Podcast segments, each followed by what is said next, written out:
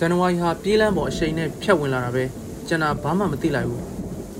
စာအုပ်ကိုခဏခဏဖွင့်ပြီးစိတ်ညစ်တယ်ဆိုတဲ့စာသားတစ်ခုပဲထက်ခါထက်ခါရေးပြီးပြန်ပြန်ဖြတ်တယ်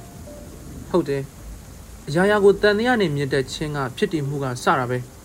ချစ်ချင်းမြတ်တာဟာဖြစ်စဉ်တစ်ခုလုံးကိုရုပ်ချမ်းဆန်တဲ့ notes တွေရွေးတီးသွားတယ်ချစ်စရာတစုံတစ်ယောက်ကဖြစ်ခုထိပြန်မလာသေးဘူးနာကျင်မှုရဲ့မှတ်ဉာဏ်တွေကအခန်းထဲကြိုပြီးရောက်နှင့်နေကြပြီ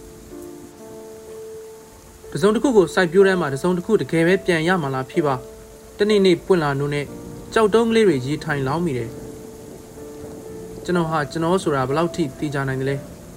တခါတခါကျွန်တော်ကလမ်းနေများစွာရှောက်သွားနေတာပြန်သိရတယ်ကျွန်တော်မသိပဲကျွန်တော်ကရန်သူတွေနဲ့နနာချင်းချင်းတိုက်ခိုက်နေတာပြန်ကြားရတယ်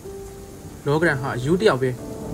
ဖြစ်ဖြစ်မြောက်ပေးဆက်စရာဆိုလို့ကျွန်တော်မှာအတိတ်ကာလတွေပဲရှိတာသူသိမသွားရှာဘူး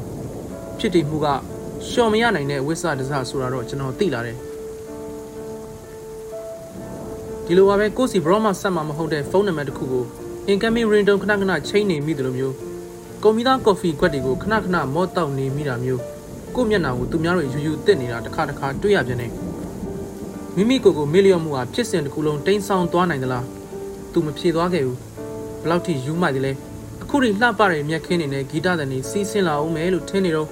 ဖြစ်ခဲ့ရင်ဆိုတဲ့ခနော်ခနဲ့အတီလေးကိုဇုံမှိတ်ပြီးစက္ကန့်တစ်ခုပြီးသွားတိုင်းမှာမျောလင့်ချက်တွေပြန်ပြန်ရှင်းလာတော့သူနဲ့ကိုဟာကွင်းမြင့်ကျဲကြီးမှာတချင်းနေကျဲကြီးအောင်ဆိုနေတယ်လို့အိမ်မက်တွေမှတ်နေတော့တခါတခါပေါ့2008ခုနှစ်ကမိုးသိညတညမှာကိုဘဲရောက်နေလဲပြန်ကြည့်နေတယ်လူတိုင်းမှားတတ်ပါတယ်တွေးပြီးသားစာသားတွေနဲ့ချစ်ချင်းမြတ်တာကိုဆက်လက်တီချာရှာမိတဲ့အထိမှားတတ်ပါတယ်မိန်းကလေးတယောက်နဲ့အဆင်မပြေနေတဲ့အချိန် နေအိမ်ကဒန်းစီလေဒီပင်လေးအဖေရင်မလောင်းရလားလို့စိတ်ပူနေမိပြန်တယ်မှန်တဲ့ကငိုလိုက်ရီလိုက်ဖြစ်နေတဲ့မျက်နှာကိုဆွဲဖယ်လိုက်တော့မေးပစ်လိုက်တဲ့မိန်းကလေးတယောက်ရဲ့နာမည်နောက်မှာ